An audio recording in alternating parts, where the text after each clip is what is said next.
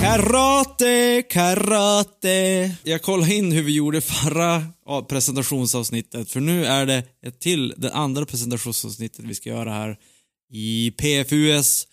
Och då pratar vi om döden. Jag tänkte vi ska börja prata om döden i detta avsnitt också. Hedenström, vem har dött?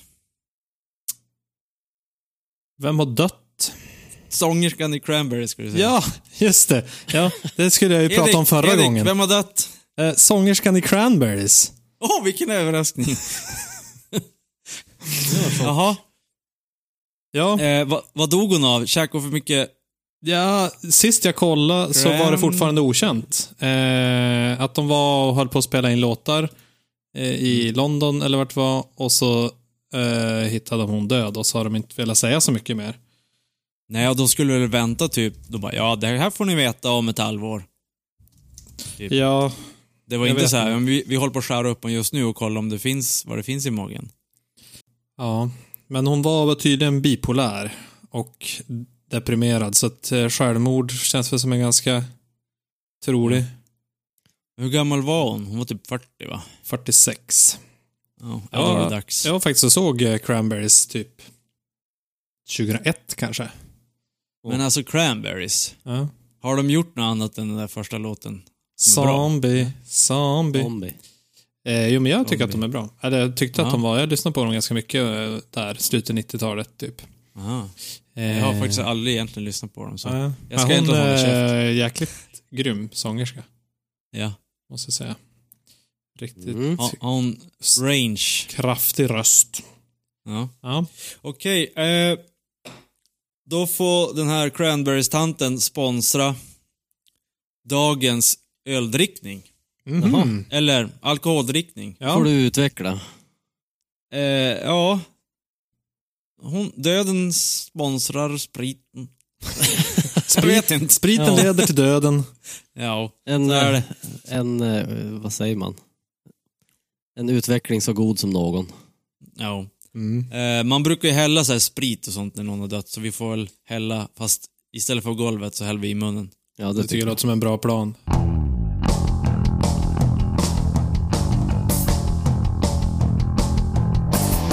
Jag har faktiskt sp- sprit idag. Se på 17. Oj. Eh, Is? En, en is. Vadå där är en is? Is vad var den Lyck- största isbiten? en is. Ja. Eh, en isfylld, eh, ett isfyllt lyxigt whiskyglas. Och så är det Jim Beam Double Oak. Oj. Eh, och det här ska jag berätta för er. När jag var ung så såg jag Dallas. Mm. Och det var första, jag tror det var min, min första eh, vistelse med whiskyn. Denna dryck. Denna eh, allmänhetens obehag, eller på säga. Den är ju så fin. Men Och jag tyckte, drack de du- verkligen har du- Jim Beam i Har du Dallas? tagit en redan innan programmet, börjar jag undra. nej det har jag inte, jag har varit gymma så jag, har, jag är full med Endorfiner. endorfiner. Ja, någonting är det. Eh, Det hör jag. Ja. nej men, nej men, eh, jo, men han, vad heter han? Eh, J.R. Ewing. Min eh, favorit för övrigt, från Dallas. Eh, karlarnas kar. Han, efter jobbet så gick han ju alltid så här, jag är förbannad på den jävla klippbarn. Så gick han och drack, tog så här glas och fyllde i ett glas, nej, han tog is och fyllde i ett glas och så Sen var det någon sorts, vi, vi, eller bourbon var det säkert. Mm. Mm. Eh, och då, då när jag var liten bara, det här ser jävligt gott ut. Eh, Du tänkte Så- redan då att Jajamän. sprit, det vill jag dricka. det, det är grejer det. Så, ehm, och jag, jag tänkte, fan, jag satt en kväll och drack sprit. Och så skulle jag leta upp film på YouTube, tänkte det måste ju finnas någon som har klippt ihop alla grejer när, när vad heter han, J.R. Ewing dricker sprit. Men det har du fan inte gjort. Så någon gång i livet, när jag blir pensionär, då ska jag klippa ihop Best of J.R. Ewing när han dricker sprit. Du måste kolla igenom 100 VHS-band. Ja, men det är inga problem. Nej, då går det bra. Ja, Det, nej, det har eh, Nicke gjort skål. förr, så Skål. kan han göra igen. Mm. Ja, jag kan eh, fortsätta på dödstemat. Eh, jag dricker en eh, dödssvart öl som heter Caramel Fudge Stout. Eh, Och den är även dödsstark. 11,5 procent. Åh jäklar. Oj. Vem är Eh, det som har gjort den? ja, det heter Kes. Oh. Ja, den är så jäkla stark. Alltså när man luktar på den så luktar det typ vin. Mhm. Eh, lite som ett fylligt rödvin. Eh, Oj. Fast det är en stout. ja, Mystiskt. men det, det drar lite åt det hållet. Eh, Mm. Fast det är ju lite så här karamelltoner och så i det. Maltigt, så då tänkte jag så här, men det är som ett maltigt vin. Sen kom jag på att ja, men det heter ju sådana här starka viner, barley wine, Ja, eller starka öler. Eh, så jag förstår vart man har fått det ifrån nu. Mm. Men eh, ja, den var... Jag trodde att den skulle vara sötare. Jag tänker så här starka, då brukar vara lite sliskiga. Mm. Men den här var Mm. ganska sträv. Riktigt, Kraftig. eh, Jag kommer att bli full. Riktigt hinkarglas har du också till den där Ja. tunga drycken. Ja, jag kanske skulle haft vinglas istället. Ja, just det. Mm. Jaha, och Ja, dödsjoel. Födelsedagsbarnet. Födelsedagsbarnet. Eh, jag dricker också något som är svart, som, nästan som döden. Och det blev en smörpundet porter idag från Nynäshamns ångbryggeri. Som jag nu har sparat eh, så pass länge att den faktiskt gick ut för två månader sedan. Oj då. Ja. Ja. Och eh, Och den har hållit i den, sin... ja, den, var, den var faktiskt riktigt fin, måste jag säga. Ja. Porter är en sån där som brukar gå att spara. Och eh, varför jag valde just en porter är för att, eh, ja, det, den sista, eh, sista låten på min en lista som jag kommer att presentera idag, den, den eh, har ungefär samma år som när, det året jag bryggde väldigt mycket porter hemma. Okej. Så att det blev en, jag ville ju ha någon sorts koppling i alla fall. Jag kunde tyvärr inte hitta någon, någon bättre än så idag. Och dessutom var den Ja. inte så tokstark heller. Och jag är lite, som ni hör, så är jag lite förkyld idag. Mm. Och på återhämtning efter en matförgiftning som jag hade i helgen också. Så att, eh, jag- vill inte förgifta kroppen så mycket idag. Nu, nu är vi under uppbyggnad här. När vi ändå pratar om eh, sprit och öl, om alkohol. Så av en slump så råkade jag vara inne på Spritmuseets eh, hemsida, var uppe här i min browser. De har en rolig grej att deras logga Har du det som startsida? Ja, det är som startsida. Eh, deras logga, som är bara namnet Spritmuseum, den, så här, med jämna mellanrum så blir den alldeles suddig. Och sen blir den skarp igen. Ah. Det var som roligt. Without further ado så lämnar jag över rodret till födelsedagsbarnet Joel som ska berätta sin livshistoria. Så vi lämnar Porter... Port... The Port... Boo. Försökte men... Ja. Ja. Kasta loss Joel. Vi kastar eh, loss och kastar oss rakt in på eh, första låten på min lista. Det här är alltså Joel i eh, sju, åtta års åldern någonstans. När mitt musikintresse tog en rivstart kan man säga. Och det var, eh, eh, vi hade, min morbror bodde hemma hos oss ett tag och han introducerade mig för den här låten som ni alla känner igen. Den eh, stod vi sen och vrålade ut på ett gammalt betongfundament som fanns i skogen mellan vårat och grannarnas hus. Så jag hade i princip en enmansshow för ja, grannarnas barn.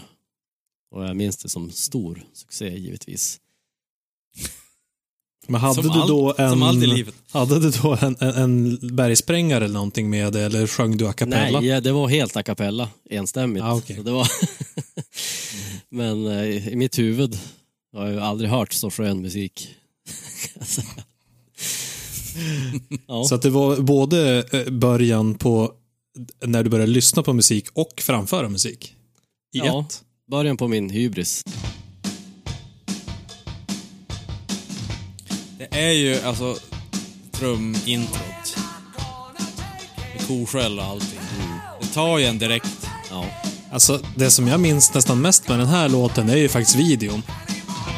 Den är helt fantastisk. ja, den är ju etsad faktiskt i ens sinne. Ja, jag tyckte den var otroligt cool när man var liten. Ja, Och så farligt.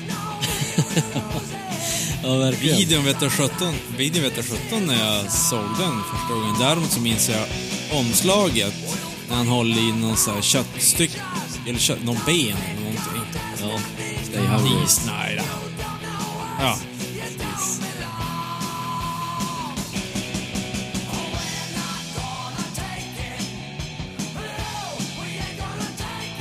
Vad hette han? Jaja? Gigi? JJ French. JJ French. Ja, de var inte dåliga på att komma på namn heller. Mark, Aha. Mark the Animal Mendoza. Det känns som att det var viktigare med artistnamn på 80-talet. Jo. Åh, guld slog han. Ja, guldtrumma.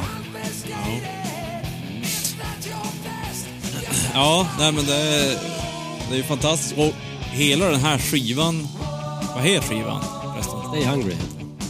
St- Den heter? Hela skivan är ju fantastisk. Ja, faktiskt. Någonting jag jag minns på bara det. den här och uh, You're gonna burn in hell. I wanna jag tyckte var fantastisk. Men också den här lugna låten, den är ju skitbra. Aha. Ja, The Jag Price. kanske måste lyssna på hela. Ja, The Price. Jo, faktiskt. Jo, jag ska... Jo, faktiskt. Eh, Dubb, alltså, lika länge till i mitt liv när jag började uppskatta hela skivan. Jag slut köpte den själv. Ja, just det. Ja. Men då insåg man ju fan vad man hade missat. Liksom. Jag ska lyssna på den, men ja, jag kanske har lyssnat på den för, jag vet inte, tio år sedan någonting. Och då minns jag så bara, men fan, det här är ju bra, på riktigt. Ja, Alltså det är inte bara för nostalgin, utan det är... har gjort mycket bra låtar. Okej. Det var ju en, en, o, o, eller en, en lyckosam slump att man halkar på dem så tidigt i livet. Tack, tacka Ja, min det känns som att de flesta kanske Ja. inte börjar eh, lyssna på så hård musik när man är 7-8 år gammal. Nej, Jag har nog väldigt få kompisar som lyssnar på så hård musik, utan det var nog lite mjukare insteg i lite pop, poppig rock eller så. ja. Jag mjuknade ju till sen istället. Oj, oj, vilken cliffhanger. Du är som ett sånt här band som gör så här hårda skivor i början och sen så börjar de så här sjunga istället för skrika och sen blir det så... Sen blir det country av hela skiten. Ja, Precis, exakt. ja. Sen så kom vi in på ny fas av livet och det var väl så att mina föräldrar skilde sig ju när jag var typ sju år. Och farsan skaffade en lägga i, inne i Skellefteå då. Det var ju som en, en, en era i ens liv. Det var så så mycket nya grejer som hände, nya kompisar där i stan som man träffade och så här. då. Och eh, ja, varje helg man var hos farsan där, det var ju liksom en tur på stan med så här, videobutiksbesök och lösviktsgodis och det var som en magisk tid på många sätt. och, Jo, det där, det, där min, det där minns jag när man, jag var, när man var och hälsade, sov över hos min moster ja, i, i stan. Då var det ju samma sak. precis. Ja, det var något magiskt med video och lösviktsgodis, oj oj oj. där stan. vet du. Den var magisk. Eh, då hette ju godisbutiken Gott och blandat, eller hur? Eller var ni på godisvågen? Ingen aning. Det Eh, fanns en godisbutik där nere vid eh, kommunhuset. Som heter Gott och blandat. Jaha. Ja, men Ja. just det. Jo, men där var Kan man nog vara det då. Ja, just det. Men eh, alltså var det Videoline och Videolife, de två videobutikerna i stan. De kunde inte ha valt mer förvirrande namn. ja. ja, det var Jaha. tider. Och Ja. eh, hela den här eran som sagt i mitt liv, den, den ramades ju in av en fantastisk skiva som min far då hade köpt när han skulle starta sitt nya liv. Och ja, jag vet inte hur han kunde träffa så rätt där heller, men han sån, sån positiv eh, eh, känsla hela den här, den här låten liksom, tyckte jag. Den, med, med sitt sväng och liksom sångarens eh, pålitliga röst och allt det här. Så ja, den, den ramar perfekt den här tiden.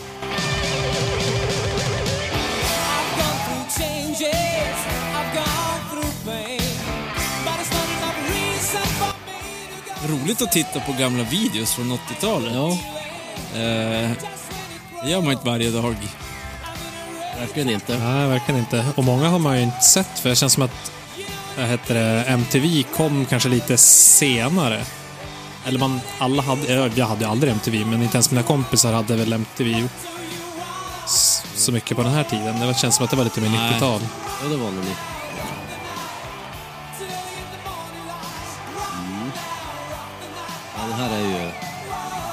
Det går ju lite hand i hand med Nickes eh, musikaliska start här också. Men det är väl inte... Men det var just den här låten som... Det var inte Final Countdown för dig. det Nej, här alltså var den här låten var den Night. som verkligen brände sig fast. Och sen såklart lyssnar man ju på The Final Countdown enormt mycket. Ja. Men, men det här var den som verkligen var... Jag vet inte, den, den slog an en sträng. Okej. Jag eh, läste eh, Key Marcellos eh, biografi häromdagen. Eller härom veckan bara. Ja, Äh. den har ju jag också, men jag har inte hunnit läsa den. Ja. Och då eh, pratade han om den här videon, inspelningen av den här videon. Ah, okej. Rock the Night. Och Han sa att det var, alltså det var sämsta uppstyrda videoinspelningen någonsin och konstigaste videon. Och det är det ju faktiskt. Den är på Hard Rock Café i Stockholm. Ja. Och typ... Ja, de sitter och käkar. Och, Sjunger och... hoppar upp och börjar sjunga liksom. Och så har de bjudit in massa folk som bara var där. Så filmar de lite. Så han tyckte inte det var så genomtänkt. Han fick ligga i alla fall. Med någon av de här tjejerna i videon. Ja, det är ändå det viktigaste. Men vad heter... Är, är det här andra singeln? Nej, jag tror faktiskt att det här var första singeln. What? Eller vad? Jag har ingen aning, för jag tror Det här inte... kanske var Final Countdown som var först. Ja. vi kanske till och med hade den på kassettband. Alltså, jag, är osäker. Ja, men eh, jag vet inte. Jag hade inte så bra koll på singlar på den tiden. Nej. Ja, nej men det var faktiskt eh, Final Countdown som var första. Det här var andra och sen så gjorde de även singel av Carrie. Just det. Ja. Right. På tal om Carrie, eh, nu vet jag inte om det är så, men eh, Joey Tempest gillar ju Stephen King. Och eh, jag tror det är därför den heter Carrie. Från Ja. boken Carrie. Ja, men det låter roligt. Det minns, jag, det minns jag att jag läste när jag var ung i någon sån här YouTube, nej, Europe eh, fantidning, att han gillar Stephen King. Okej. Ja. Där ser man. Mm. Mm. Nej, men Europe är ju... eh, Jag tror att de, för de flesta i våran ålder så är det eh, ett band som har gjort stora Som gillar avtryck. rock'n'roll, eller som gillar, som är rock. Ja, speciellt som är precis Ja. gillar rock. Ja. Men nästan alla. Men, men det här var ju typ Nirvanas, eller Sveriges Nirvana på den tiden. Alla gillar väl Europe? Jo. Eller? Ja, Jo. så var det ju verkligen. Ja, i alla fall singlarna. Alltså, mycket mer, mycket mer mainstream än Nirvana, skulle jag säga. Nirvana var ju kontroversiellt. Det här var ju bara... Gick ju hem i alla stugor. Och så här var det ju i mitt, eh, i mitt barndomshem då att eh, det förekom ju en del politisk musik också. Och överlag så, ja, förutom Rock the Night då. men, men överlag så, så tycker jag jag har ganska mycket sådana influenser. Jag gillar ju texter i, när jag, alltså, för att jag ska, riktigt ska fastna för en låt så måste det vara en bra text också. Och jag vet inte om Rock the Night faller under den kategorin, men det var väl lite före man började tänka riktigt Ja. ordentligt. Men eh, en figur som, som eh, spelades ganska mycket i mitt eh, barndomshem var ju nästa herre som vi ska lyssna på. Och eh, ja, om Europe var Sveriges Nirvana så får väl, alltså för mig var ju Björn Afzelius mer som Sveriges Bad Religion då. om man ser till, till det politiska budskapet i många av hans texter. Kom kättare, kom syndare med svagheter och fel Men som ändå vågar stå för vad ni är Jag biktar mig för er i natt Jag söker mig till er Jag vill alltid våga säga vad jag ser Jag är en man Men är det någon som har sett dokumentären? Tusen bitar. Tusen bitar eller vad den heter? Ja. Är osäker om jag har sett den. Jag har hört att det ska vara jävligt bra. Jag hade tänkt se den på SVT Play, men jag var för seg. Var låg den uppe nyligen eller? Nej, det var länge sedan.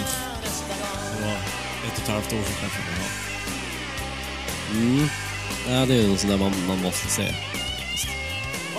Men Någon gång i livet. när du, när, när du, ja, när du säger att eh, det lyssnades på Björn Affe hemma, hade du i din, på din, hur gammal var du nu det här spelades? Du kan inte vara gammal. Nej, men det här var ju, alltså, första låtarna här hittills på listan, det är ju bara något år emellan dem allihop. Det är sån här... Ja, det, brukar bli, det brukar bli så, det blir som... Ja. Det blir glesare sen. Men hade du någon koll på vad... Nu sjöng han ju på svenska, men alltså tänkte du så här, ja, han sjöng eller? Nej, det var väl inte... På den alltså, tiden. Då var det väl mest musiken som, som, som satte sig liksom. Man har ju såna här memory burns från den tiden. Jo, Och exakt. det var faktiskt, den här låten har jag inte lyssnat så mycket på under åren, men det var några år sedan nu som jag, den dök upp någonstans i något sammanhang.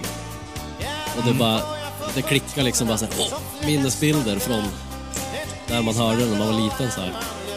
Ja, det är sånt ju magi, när man har glömt bort någonting Ja. och så bara...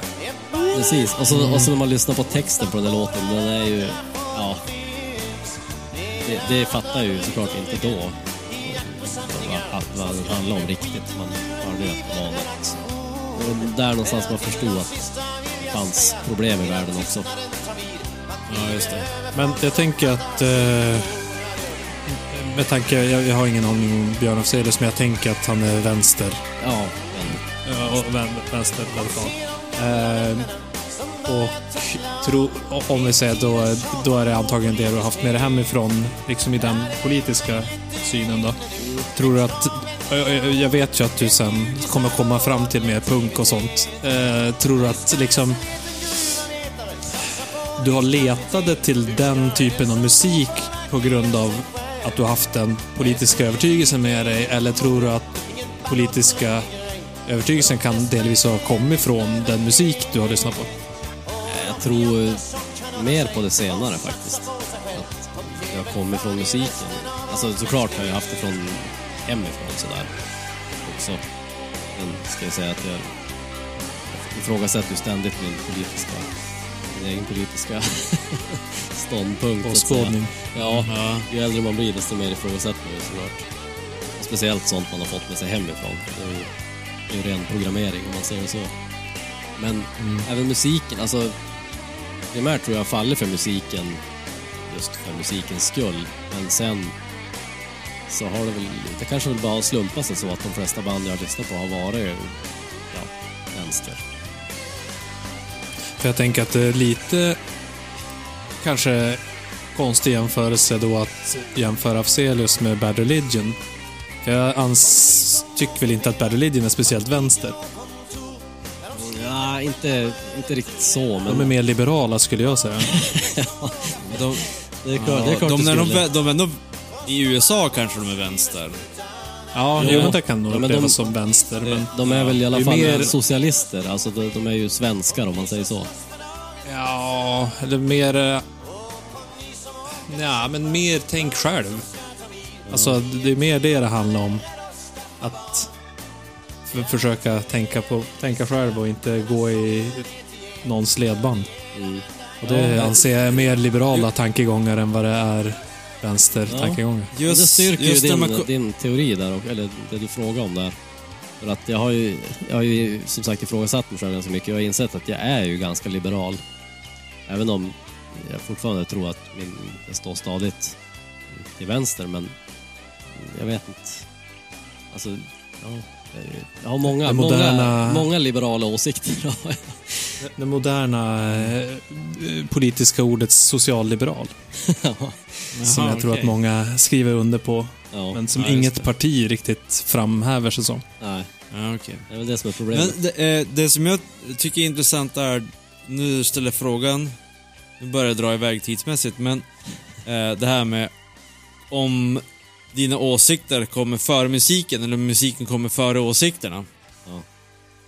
Eh, det där, där var intressant grej som jag skulle prata mer, mer om i en annan podd, för det, det, det kan vi prata om i 30 minuter. Så vi sätter en, eh, en, eh, en pin i det. jag så skriver upp, jag skriver upp det, så ska vi diskutera det i en annan podd. Och eh, så fortsätter nästa låt, Joel. Nästa låt kommer här. Och en till drink. Oh yeah. Eh, vi fortsätter svenskt. Jag sitter så skrämd i min tvåa Eh, Magnus Uggla. Denna television. Han har ju Där varit med. säger en TV, hallå? Godnatt till vår fria nation. Uti en otäck fata Morgana. Nej, jag fick eh, en skiva av min eh, käre far faktiskt. Som heter 35-åringen.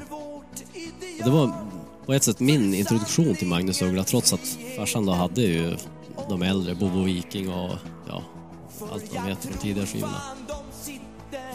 Eh, och det var ju faktiskt, det fanns ju en tid då Magnus Uggla var bra. Och just den här låten, Och inte vara med, och inte vara med på TV4 mysprogram. precis. Nej, Han var, hade skrev öl någon och sorts dricka musik. punknärv i sig. Hade någon sorts punknärv i sig. Ja, ja. Ja, han har ju verkligen varit, varit punkig. Eh, den här låten, Moder Svea, den var, jag tror det var sista låten på den skivan. Och den, den, den var ju verkligen en sån här alltså, en perfekt avslutning på en perfekt skiva, helt enkelt. Det Visst var det förr, förr i tiden så var det mer att Ska man göra en lugn låt så tog man det, det var sista låten. Mm, precis. Det känns som, det känns som en 80-talsgrej. Ja. 80, lite 90 också kanske. Ja, kanske 90. Jo, ja, då kunde de avsluta skivor med elegans. Ja. Det här, den, den här låten har jag många gånger sagt att den, den borde vara Sveriges nationalsång för den är... den slår ju Du gamla du fria på fingrarna.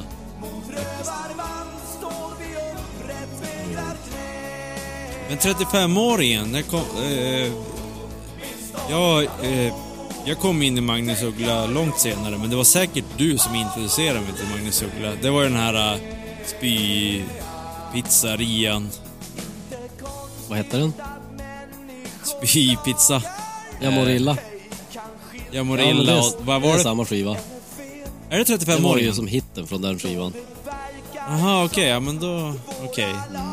Då, då, då börjar jag... Nu då, är jag ganska synkad nu alltså. Ja, precis. Härligt. Så vid den här tiden måste jag och du ha känt varandra. Ja, det gjorde vi ju, absolut. Alltså, ja, när lärde vi känna varandra? Nu måste jag börja tänka efter här. Det var ju i... Var inte i ettan typ? Eller? Ja, du. Så, du har bättre minne än vad jag har. Ja.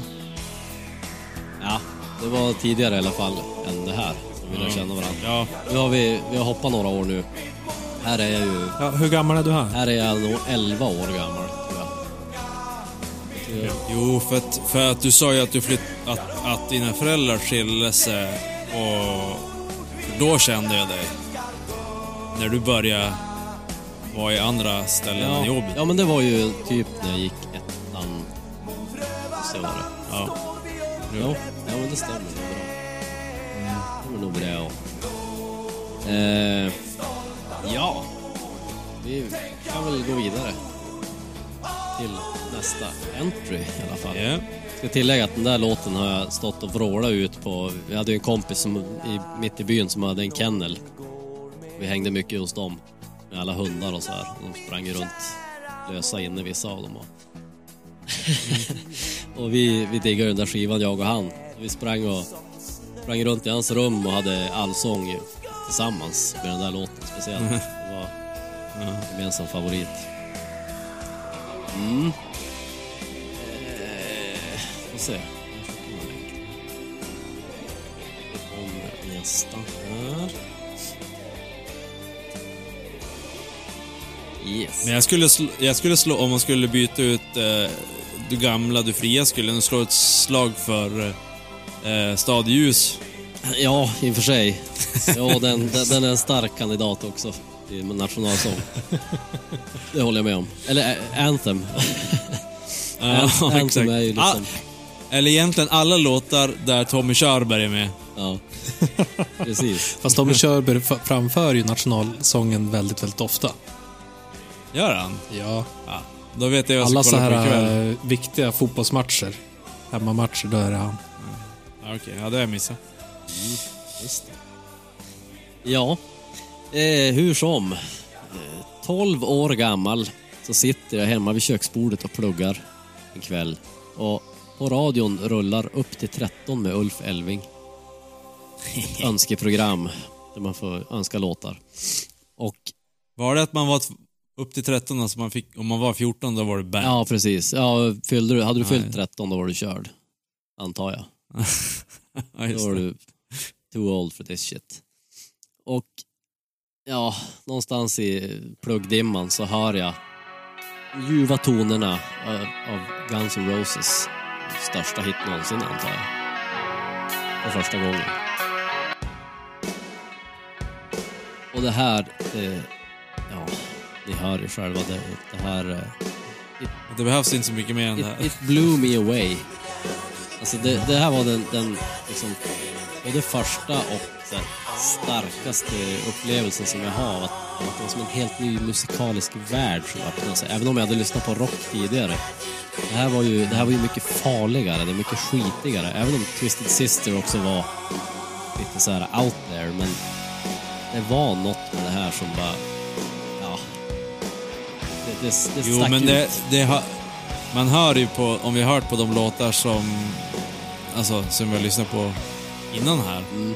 Och så kommer man till den här musiken. Alltså det är ju... Ja, det här är ju farlig ett, musik. Det är ju ett steg, ja det är ett steg uppåt alltså. ja.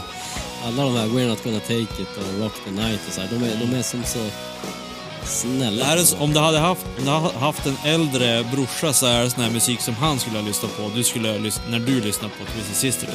Mm. Han bara, "Nej, vad fan håller du på med det sånt där för? Det här är riktig musik. Precis, och så ska han gått runt med så här bandana och långt hår och bara Mm, och dryg och svår ut. exakt. Ja. Det Jag här, tycker steget från Twisted Sister till Guns N' Roses är inte jätte, jättelångt. Men däremot så Nej. hade du en jävla svacka däremellan. ja, har varit ganska spretig överlag i mitt musiklyssnande. Men, eh, nej det här... Men inte så lång, men det är fortfarande, alltså om du tar Twisted Sister och Europe är ganska lika rent produktionsmässigt och eh, spelmässigt. Alltså det är ju bara tre, fyra, det är ju tre, fyra ackord och väldigt trå, tråkig, rak, ra, alltså trumkompen är ju fruktansvärt tråkig om du lyssnar på Europe eller på Twisted Sister. Det är ju bara, det är ju typ musik som 12-åringar klarar att spela. Här, här har du faktiskt personer som kan spela musik. Det här är, det här är, det, det är ju en det, det också som gör att det här blir ett stort steg. Det är ett helt annat game vi pratar här. Ja.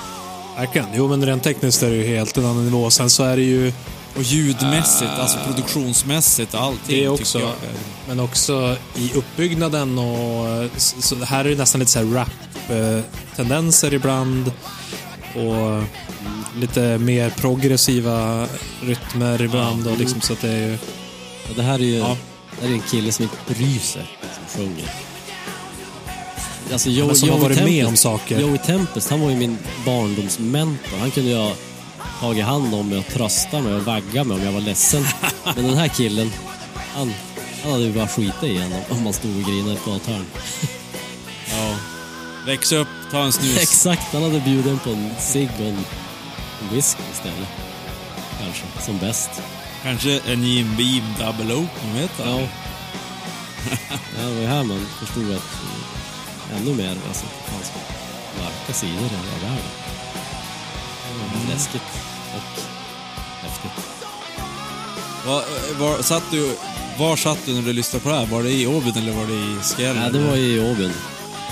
Jag minns Ja. exakt, alltså, jag bilden exakt hur allting såg ut när jag satt där och lyssnade på den här. Ja. Vet jag, jag, alltså plugget, det var ju bara glömt. Började, det första jag gjorde var att jag ryckte upp, det fanns en sån här katalog med typ Mr Music eller något sånt som kom som, som reklam. Oh. Ja, så jag ryckte upp den där. Det här. Den här låten ledde mig faktiskt till ett eh, medlemskap i Mr Music under eh, en, en viss tid.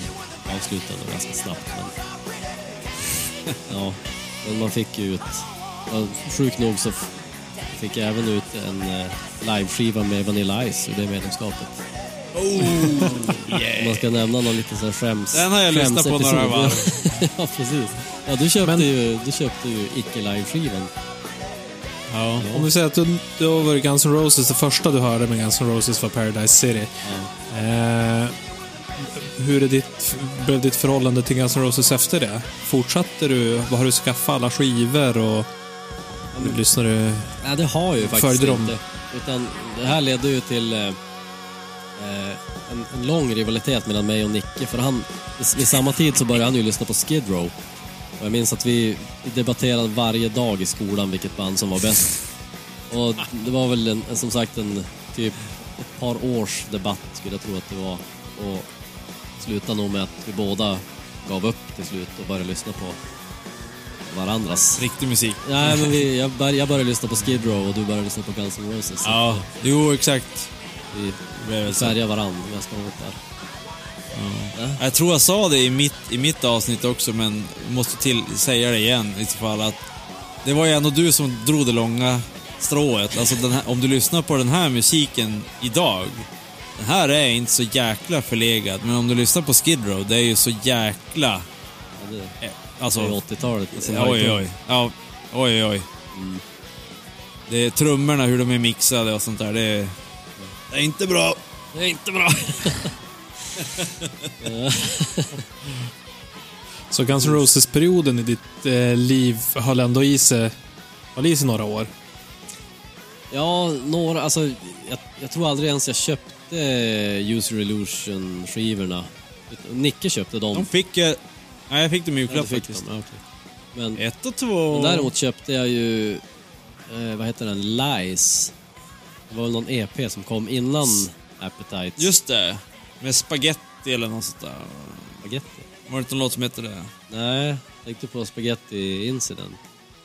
Nej, just det. Det var ju senare. Det var någon EP eller någonting. Ja, det var, den hette Lie, eh, vad hette? Guns N' Roses Lies hette den och så var det en split med eh, Live Like a Suicide. Det var fyra låtar från en livespelning de hade. Ah, okej. Så den, för övrigt så den eh, Lies-delen innehåller en s- nertaggad version av You're Crazy som finns med på Appetite.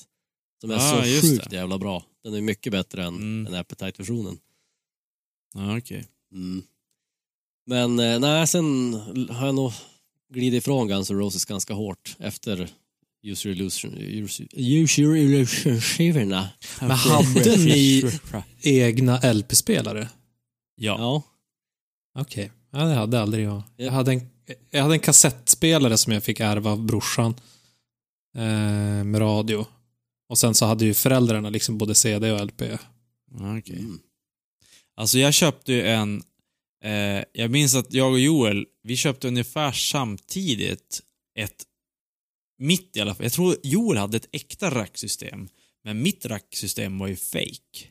Alltså det var... Racksystem var ju the shit. Nej, jag hade inte äkta, det. däremot hade jag en lös eh, LP-spelare. Allt Ah, annat okej, var som så en klump, som, som din. Jo. Men det skulle, men det, det skulle efterlikna ett racksystem. Ja, exakt. Och racksystem var ju att du köpte en förstärkare, du köpte en radiodel, du köpte en kassettdel, du köpte en CD-del och en LP-del. Mm. Mm. Eh, och det var ju...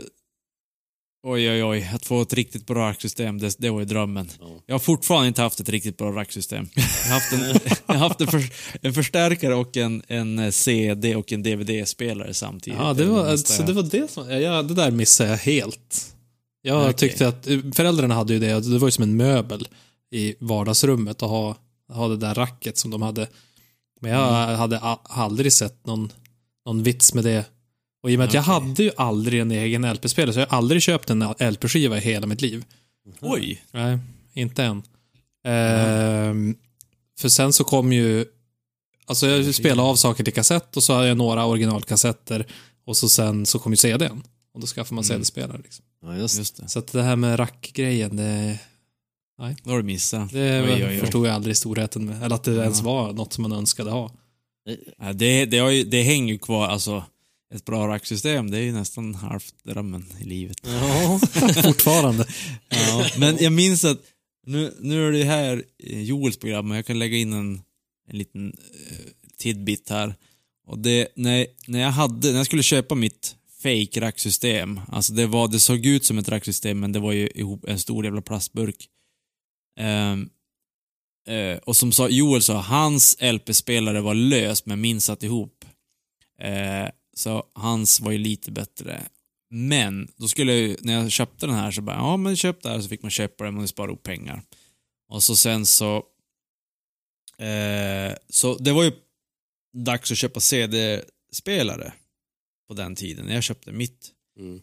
Och då, då sa han försäljaren, jag minns exakt hur han såg ut också, en sån här eh, goatee eller vad, he, vad heter det? Etagevaktsskägg. Han hade ett sånt och så bara, ja, så ska jag köpa den här. Så bara, ja, jag har inte råd med seriespelare. Så var jag där med morsan och farsan. Han bara, ja, man vet ju aldrig vad tomten kommer med. Jag bara, oh yeah, jag kommer få en seriespelare i jul.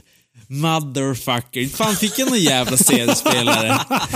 jävla säljgubbe. Han var dålig på att sälja. Precis, jag kan tillägga att den här som vi lyssnade på nyss hade jag faktiskt, jag köpte en LP-skiva eh, som blev hackig då, mitt i Sweet Child of Mine. Som jag levde med i något år tills jag hittade på en loppis en, alltså en likadan, fast med det andra omslaget faktiskt. Så jag har bägge omslagen på den där skivan också, Oh. på LP. Och du har kvar dem fortfarande? Ja, de kommer jag aldrig, aldrig göra med mig. Ja. Ja, nu har vi ju börjat högstadiet. Och du och jag går ju hand i hand som vanligt Niklas. Vi, eh, våran musikaliska bana. Vi hängde på video och godis.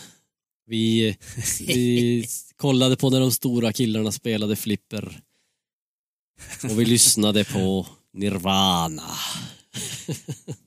Och så, såg på när Gösta försökte spela av damerna i kläder. Precis, gjorde vi också.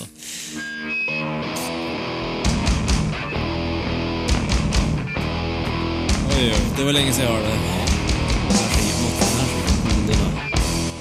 Så här har vi ju väldigt tidig Nirvana-musik, eller hur? Ja, precis. Lyssnar du på Nirvana redan så här tidigt, eller är det en efterkonstruktion? Nej, vi, vi lyssnade ju på, inte såklart 89, men eh, vi lyssnade på dem när Nevermind släpptes. Började vi lyssna på alla skivor som fanns då. Det var, ja, det var typ Bleach och Nevermind. Sen kom ju den här Incesticide ganska snart in på det. Så vi lyssnade ju på alla de skivorna simultant i olika öron. Och vi hade Never- Nevermind på Joels racksystem och så hade vi Bleach på mitt racksystem samtidigt. Exakt. Men just den här låten från Bleach. Jag, jag, har länge Bleach för den bästa Nirvana-skivan, men jag har väl senare med, med ålderns vishet också svängt att Nevermind faktiskt är det bästa.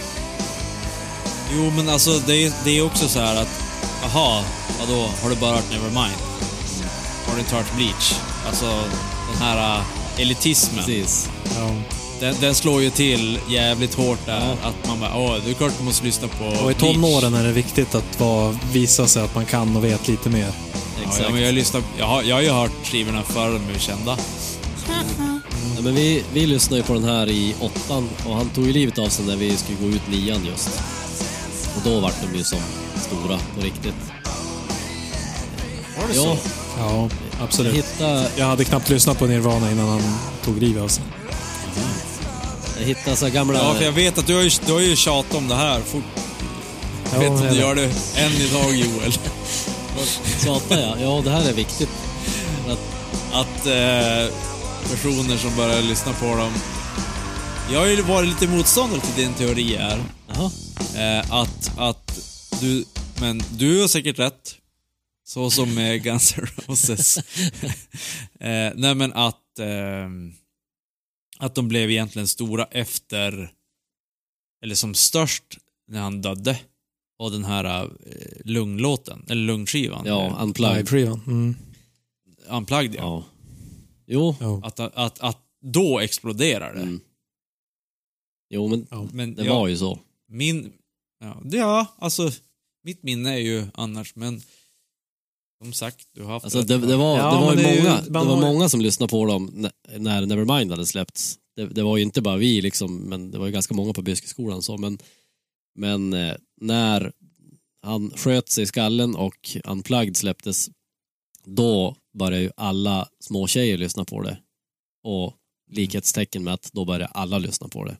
Ja, men jag tror också att man, man, det är ju, man har ju bara sig själv att referera till så det är svårt att säga om man själv tycker att det här är det största som har hänt och alla ens kompisar lyssnar på det. När, när Nevermind kommer då i ens egen värld då så lyssnar ju alla på det.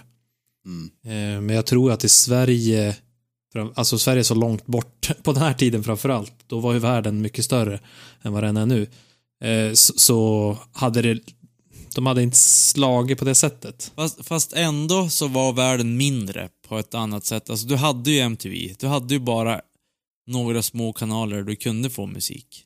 Mm. Och där var det ju, det som, det som, det som var inne då lyssnade alla på. Ja, fast det var mer lokalt än, än vad det är nu tycker jag. Nu är det mer globalt. Alltså nu Okej. slår man över hela jorden på en gång. Då var det så här, men de var stora i, ja först Seattle och sen så när de slog igenom så var det främst USA.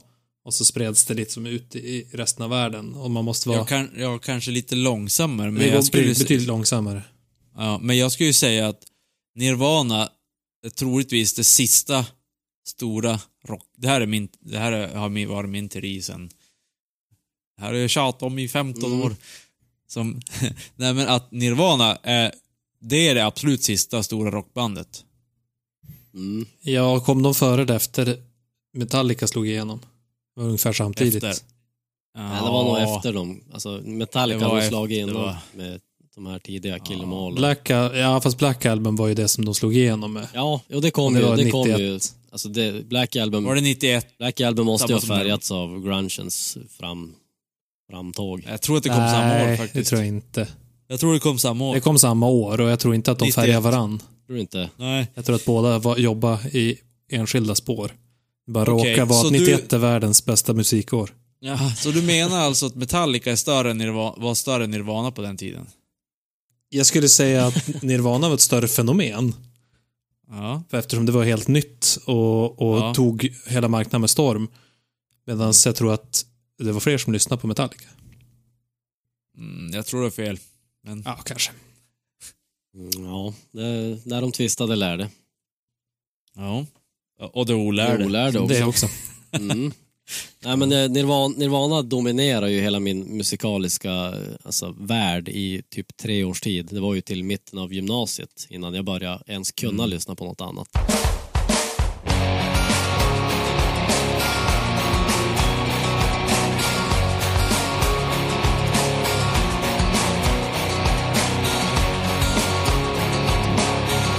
De har ju figurerat på några av mina års bästa listor de senaste åren. Ja. Men eh, det var ju här grunden lades. Det var en sommar var jag och bodde i någon stuga med två tjejer från min klass. Och det var, det var inte lika kul som det låter. Men, ja. Jag skulle ju säga. men däremot var det så kul att de hade ett blandband med sig som vi plöjde liksom, fram och tillbaka så här oavbrutet medan vi var där ute. Och då var Alltså jag måste, jag, vänta, jag måste säga bara att det svenska blandbandet, alltså namnet blandband, slår ju mixtape på fingrarna varje dag. Ja, ja. Självklart. Blandband, det hör vi på namnet. Ja, exakt. Nej, men då, då var den här låten där. Det var den här och sen en B-sida från den skivan. Som, eh, alltså den här, den här hela, hela det här albumet som jag lyssnade på sen då. Med den här liksom high school-rocken och de här nördiga texterna. Det, det, förkroppsligar verkligen tiden som för mig som vet, sent utvecklad tonåring och nörd som Ja, man var kär i den snyggaste tjejen på skolan men filmen slutar ju inte med att man fick henne. Så, så. så eh, Nej, det är verkligen vi lever i. exakt, inte någon jävla film. exakt. Men eh, trots det så njuter jag väldigt mycket ändå av att lyssna på den här skivan idag. Om man tänker tillbaka på hur man var då liksom, och hur man ändå, tack och lov, har förändrats sedan dess. Man faktiskt har utvecklats lite grann.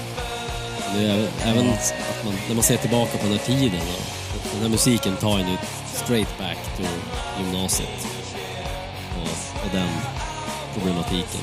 Och då, det blir som att får lite hjälp också med att gräva vidare i sina djupaste osäkerheter någonstans. Det, Ja, men det här passar ju väldigt bra för tonårstiden. Det är, som du säger, det är high school-rock och det, det passar ju perfekt i en high school-film. Alla deras låtar i princip skulle kunna vara i alla high school-filmer. ja, Så att eh, på så vis så passar det bra att du lyssnar på dem just under den tiden. ja, ja, timing kunde inte vara bättre. Det är också som Joel säger att för den här låten, det är ingen happy-go-lucky. Alltså den, den är ju melankolisk exakt. i, i sitt sound. Ja, Ja, texten också. jo, Jo. precis. Eh, men eh, en liten parentes här. Har ni hört att Weezer ska släppa en ny skiva snart? Va? Och vet, vet ni vad den ska heta? Nej, säkert något jättekul. Ja. Vi har pratat om den tidigare idag. Black Album. Mm. Ja, där ser man. Som en Ja. nytt, ett nytt Black Album. Vi får se om det blir lika stor som det första. Precis. Nej. Fantastiskt. Mm. Vi lämnar The Blue Album och vi går in i ännu en, en eh, episk era i mitt liv. Aj, aj, aj. Och eh, oj, Va, var befinner vi oss nu? det ska jag tala om för dig. Vi har lämnat gymnasiet. Vi eh, har eh, börjat eh, lukta och snudda vid vuxenlivet men vi vet inte riktigt vad vi ska göra av våra liv än. Och återigen sammanstrålar jag med min vapendragare Niklas Larsson ett ställe som heter Urkraft och där introduceras vi för en fantastisk ny musik. Vi, vi lärde känna ett par tjejer där som lyssnar på väldigt bra musik och spelar i ett, ett bra band då också. Och de introducerade oss ju för den här musiken som faktiskt hade några år på nacken. Och när, när man första gången tryckte in den här skivan i CD-spelaren, tryckte play, ja, det är introspåret till som heter Welcome to Sky Valley.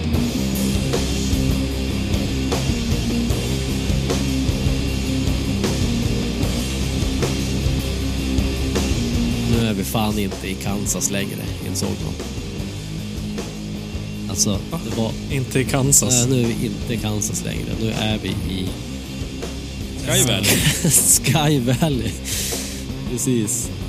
Vi var nere i den kaliforniska öknen helt plötsligt. Palm Desert. Och de här tongångarna, alltså det här soundet. Det, var, ja, det här var faktiskt det, det första jag lyssnade på som fick mig att känna hopp om att eh, liksom, det skulle finnas ikoner även efter Nirvana i mitt liv. Oj, oj, det var Men stort. det här är efter gymnasiet då? Det, ja, det här är... Det här är 20 98? Nej, det är nog 99 kanske till Nej, nej, inte 99. Jaha. Nej, det var nog 98 kanske. 99 så var vi på Silverchair. Ja, just det. Precis. 98 muckade från lumpen och det var ju då vi började punka. Exakt. Precis. Ja. Probably, probably 99. Det, det, det är memory burn där.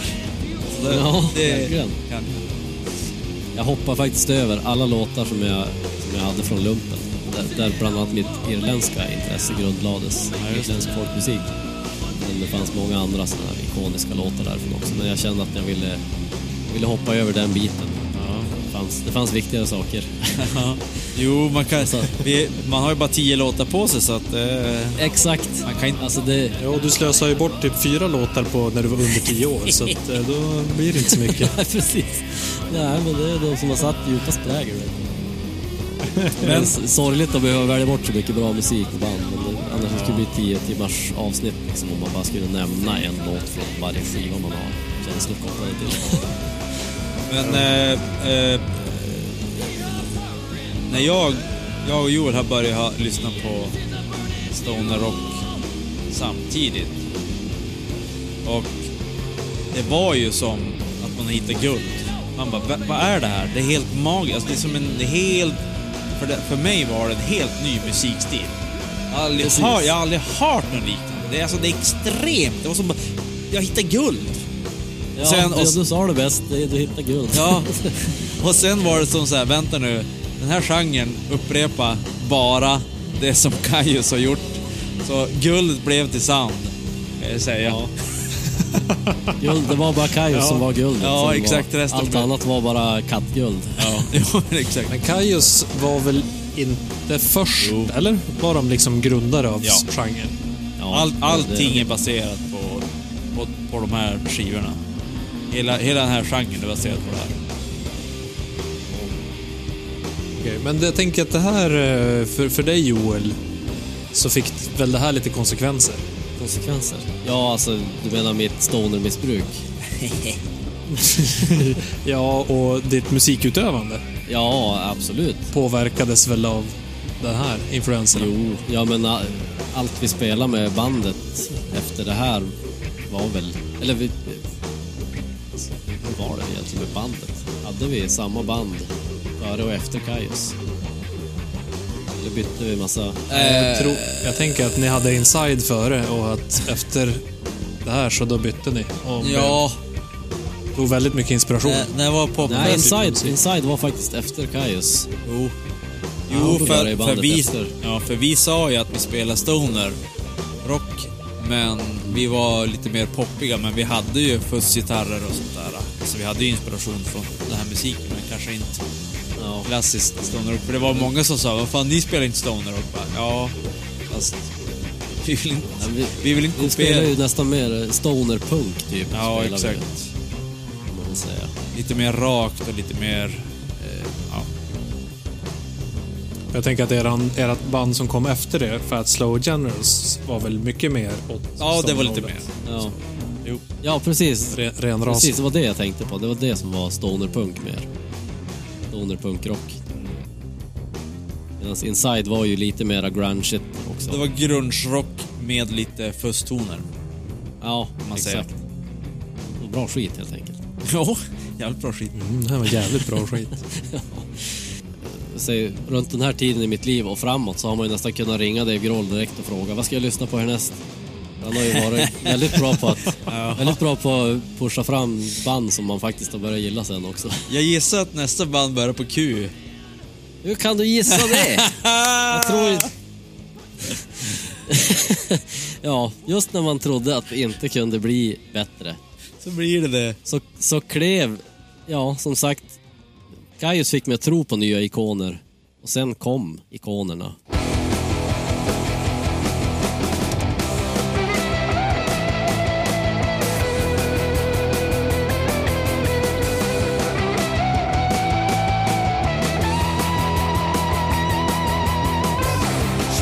Nu lyssnar vi på låten Go with the flow. Var det då du började lyssna på dem eller var det ännu Ja, tidigare? det var ju den här skivan, alltså Songs for the Deaf. Nej, var det det? Var inte, Jo. de släppte ju så här uh, splits med Kajes. Jo, nej men för mig var det den här skivan som jag började lyssna på. Ja, okej. Sen gick jag, sen gick Alltså. jag bakåt i tiden Ja, okej. och upptäckte att de var faktiskt ännu bättre innan det. Ja. Alltså herregud. Men det här, den, just den här låten, alltså det är också sån här sjukt. Jag vet inte hur många gånger jag sjunger den i, vad heter det, Singstar. Och krossat allt motstånd. Men eh, för övrigt är ju det här också världens bästa rockvideo till den här låten. Ja, Jag det, gjorde, jag var inspirerad av den här låten. Jag sprayade en snowboard jag hade. Som jag Just det. Måla om. Så jag sprayade den och gjorde ett motiv från den här musikvideon. Mm. På brädan. Ja, det kan jag tänka mig blir rätt Ja, coolt. det var som gjort för att det skulle bli bra. Ja. Eh, Jaha, vad lustigt. Du började jag lyssna på Queens of Stone Age innan dig. Jaha. Jag som inte ens... Jag lyssnade ändå på Rated R innan Song for the Deaf. Det är ju inte illa. Du, du, som Nej. brukar hoppa på när det blir mainstream. Jo, exakt. Det är, som min, mitt trademark. Ja. Ja, det var... Brukar inte vara early en adopter. skräll. Men alltså det här, det här låter ju helt galet. Vadå? Ja. Ska vi börja faktakolla nu? Ja, men Joel. Ja. Jag är inte ute och cykla i, i historien nu. Nej. Men Rated R. Jag säger också det. Det var konstigt att inte lyssna på den. Nej, alltså det var du som gjorde det i så fall Nicke. Du som var ihop med Åsa. Ja.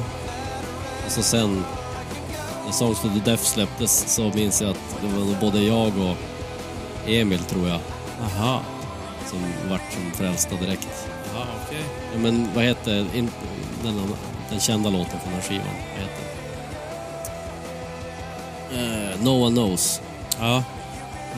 Den som alla lyssnade på. Alltså, typ Ja, den är, den är, den är också så här, den är bättre på den gamla versionen. Det var ju med den här skivan som det blev en, en radiohit av den också. Jo, Utav- här, här var de ju mer, de hade ju dragit ner på fussen. Fuss är inte någonting som går hem i radion, verkar det som. Nej, Eh, inte riktigt. dragit ner på fussen och, och eh, eh, börja producera på ett annat sätt. Vi har faktiskt kommit fram till sista låten. Så- Ja, men hur, hur, hur, hur, var, hur var livet? Jag jag är intresserad av livet kring låtarna. Mm. Hur, hur- var livet under Queens of the Stone Age-eran? Ja, hur var det? hände i ditt liv Ja, då? men det var väl i... Och Varför påverkade det dig det här? Jag tror det var just i svängen med att, ja vi hade ju bandet såklart. Och... Eh, du, kan, ju- väl- du kan ju be- berätta mer om urkraft. För du sa bara att urkraft var det. Vad var urkraft för någonting? Ja, precis. Ja, vi var, exakt, vi var och härjade på Urkraft som var en sån här, någon sorts, eh, där man stoppade, man stoppade ungdomar som inte hade fått något jobb. Och så fick de göra olika Slash saker. de som inte riktigt visste vad de ville göra. Ja, precis. Men, Slash, i, men, inte var nog hopplösa bra, fall. men inte var nog bra för att komma in på högskola eller typ inte brydde sig om högskola. Exakt, exakt. Så att, Och, och det, var ju, eh, det var ju efter lumpen. Ja, precis. Och där var vi ju i ett år, du och jag. Mm. Och under tiden så lirade vi på med bandet och hade lite spelningar och Och flytta till stan. Ja, exakt. Vi flyttade till stan i den vevan också. Så det var väl en ganska Ihop stor... i en lägenhet med en annan person som vi hade känt en vecka. Mm, precis. Du bodde, Det i, var- du bodde i hans... Jag bodde i sovrummet och du bodde i hans garderob. Ja, Nej, du bodde väl i vardagsrummet? I var, ja, i- vad sa jag? Jag menar i vardagsrummet. Eh, jag bodde i vardagsrummet. Jag tycker att Nicke börjar ta över den här eh, podden. Ja, men han är förkyld, han, han vet inte vad han men, har. men, det är mest Nicke som pratar Han vet, han vet, om Joels liv. han, är, han är förkyld, han minns inte sin historia. Ja, men Nicke, Nicke minns mycket om mitt liv också. Han sa det- fill in the blanks. Jo, det är ju eh, ungefär Ja, var ju- likhetstecken, lite likhetstecken fram till typ 2000, till- fram till 2000 typ. Ja, exakt. Nej men vi, som sagt, vi flyttade hemifrån och delade lägenhet och allt sånt där. Och så fick man ju nytt jobb, det- eller typ sitt första riktiga långvariga jobb i den vevan också.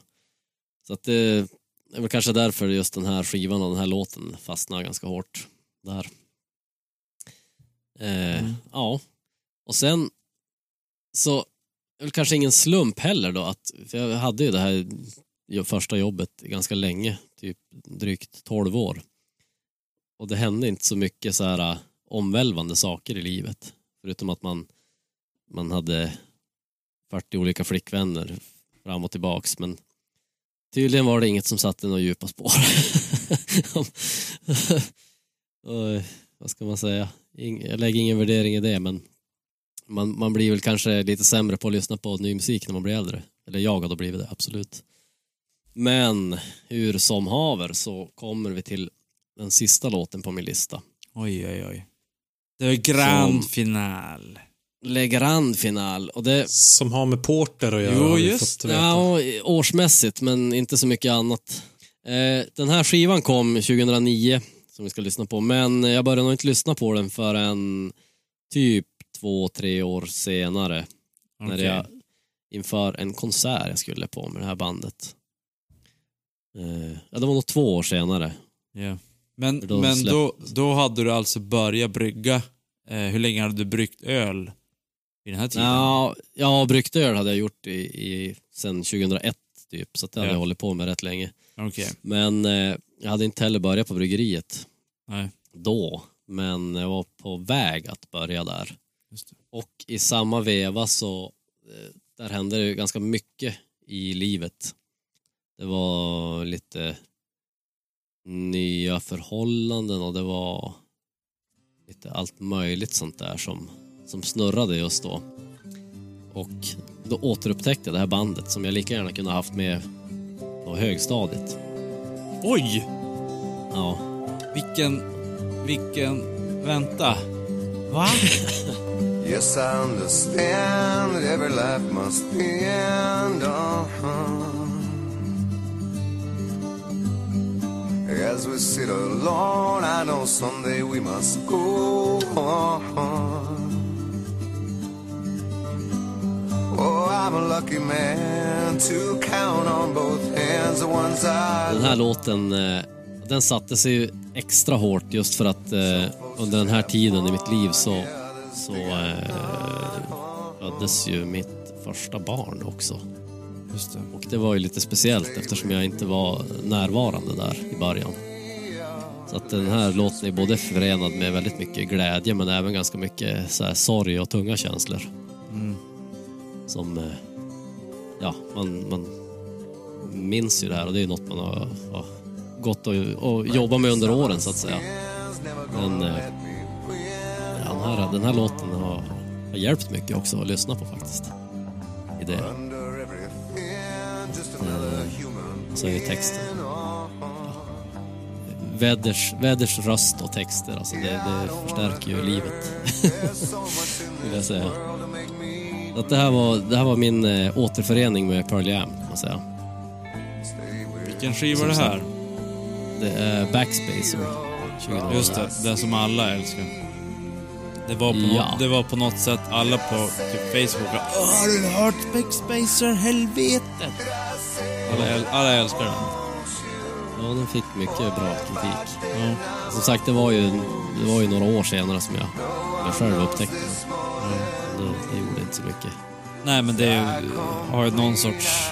Eh, något sorts bevis på att den var så pass bra som... Som folk sa. Jo, precis. Att även efter några år så var den... Så hade du, fick du kärlek till den. Ja. Precis. Mm. Så att, eh, Ja, men en bra låt. Mycket, mycket bra låt. Så perfekt avslutning. Jag, jag, går i linje, jag går i linje med, eh, vad vi pratade om tidigare, de som kunde avsluta en skiva. Magnus Uggla Ja, just det. Moder Svea. Sista låten ska vara lugn, ja.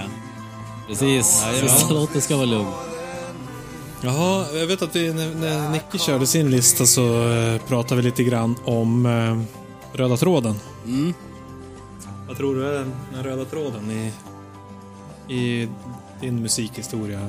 Ja, alltså... Om det är någonting så... Jag har inte tänkt så mycket på det, men det skulle väl vara det jag nämnde från början i så fall att... För mig måste det nästan vara en bra text för att jag ska liksom fastna för en låt. Och såklart en bra musikaliskt också. Men jag, jag har svårt att gilla musik som är helt fri från budskap och annat. Eller som, musik som inte får en att tänka. Alltså helt enkelt, typ AC/DC. Nej men, här musik som bara, det finns, det finns inga bottnar i det, det finns bara det du, det du hör och det du får liksom. Mm. Mm. Sen- vyse, vy, vy. Är det inte Ja. ganska typiskt då också att man... Eh, eh, när man är yngre så bryr man sig väldigt mycket om, vad ska man säga, samhället om man vill förändra och sådär. Medan det som berör när man är äldre är mer personliga saker. Mm. Ja, det bevisar ju om inte annat sista låten här. Det, det, Mm, jag tänker också det att du skruvar emot att det eh, mer handlar om känslor och, och ja, inåtriktande än utåtriktat. precis. Jo. Det, det har du, där har du en, en bra poäng tror jag. Mm. Så du menar att Joel är som alla andra? Joel, han är mainstream. Jag är på ditt lag, Hedik. Välkommen. Tack. Alla ska vi den vägen vandra, att bli gubbe. Mm. Ja, det är för jävligt. Nu är det rockklassiker nästan. Ja. Ja, fabulous. Vad ja, roligt. det var mitt liv. Det var långa hopp där i slutet. Eller i och för sig, men, Jo. ja, de två, två näst sista, de var det bara ett år emellan tror jag. Men Mm. sen var det Och sen, sen 2010 har det inte hänt Nej, något. exakt. Nej, det, jag, jag, jag, jag letar faktiskt. Jag har gått igenom liksom alla årslistor och sånt där och försökt hitta något som verkligen har berört mig på senare år, men nej, jag har inte hittat något som har, som har satt så djupa spår. Och det, jag vet inte vad det kan bero på, men man kanske har blivit lite avtrubbad av all skit som har hänt under åren. Ja, men lite grann tror jag att det är det. Men jag tänker också att det kan vara att man inte har riktigt fått distans till den heller. Att, ja, så att man kan kanske kan se om fem år kanske man ser att, ja men just det, den här eh, förändrar faktiskt hur jag ja, men lyssnar på musik eller annat. Mm. Men det kanske man inte ser nu. Återigen en bra poäng från Hedik, tycker jag. Det, jag är ju... Jag, Det är 11,5 procent jag gör nu. Ja. Jag är mig klok. Jag har djupa tankar nu. Nej men överlag så är jag ju en ganska, eh, så här, jag, jag lär mig väldigt långsamt och så här, jag, jag svänger inte i mina beteenden och attityder särskilt fort. Utan det är väl mer att när jag väl gör det så gör jag det grundligt liksom. Mm. Men jag är inte en sån där som... Du, du, du, du är som en stor jävla båt. Ta ett Ja. tag och svänga. Mm. Precis. Hangarfartyget, Joel. Precis.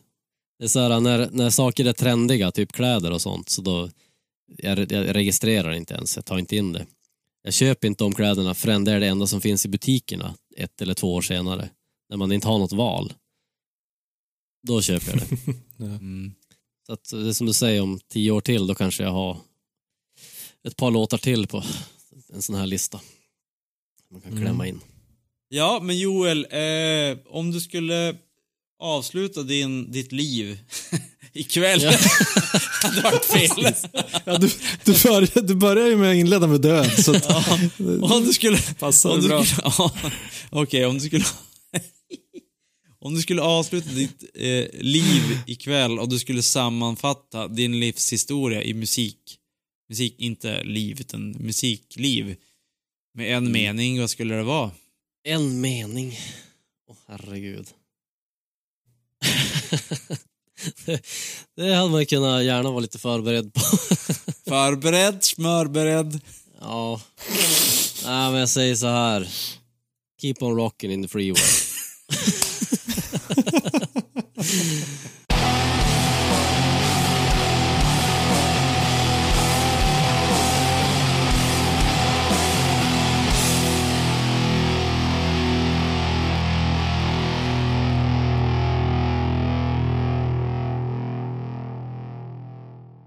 Alltså det här med Metallica och The Black Album.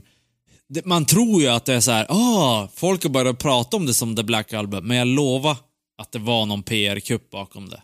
ja, det är klart. Ja. Alltså den var ju bara helt svart. Det var ju... Det var ju, Nej, det var ju, det var ju en ser, eh, ormen där. ja, en liten orm som Om man- knappt om man- om man- syntes. Ja, om man, har vänk, om man vinklar skivan, ja, eller precis. pappret så här.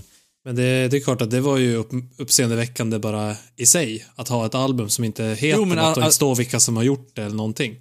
Så det är klart det var Nej, genomtänkt. Jo, det var genomtänkt, men jag tänker att, att folk börjar kalla det för Ja, The men det väl det enda man kunde kalla det, så att nu var det... Men jag tror, jag tror, det var ju säkert någon PR-byrå som hittade det och så bara hittade på det och sen så bara, hallå, kallar det för det här? Ja, det är klart. Mm. Ja. Allt är ljug. Allt Ja. är ljug. ja. Förutom Joels liv. Ja, nu vill vi höra mer om Joels liv och Sanningens- mindre om Nickes teorier om ljug.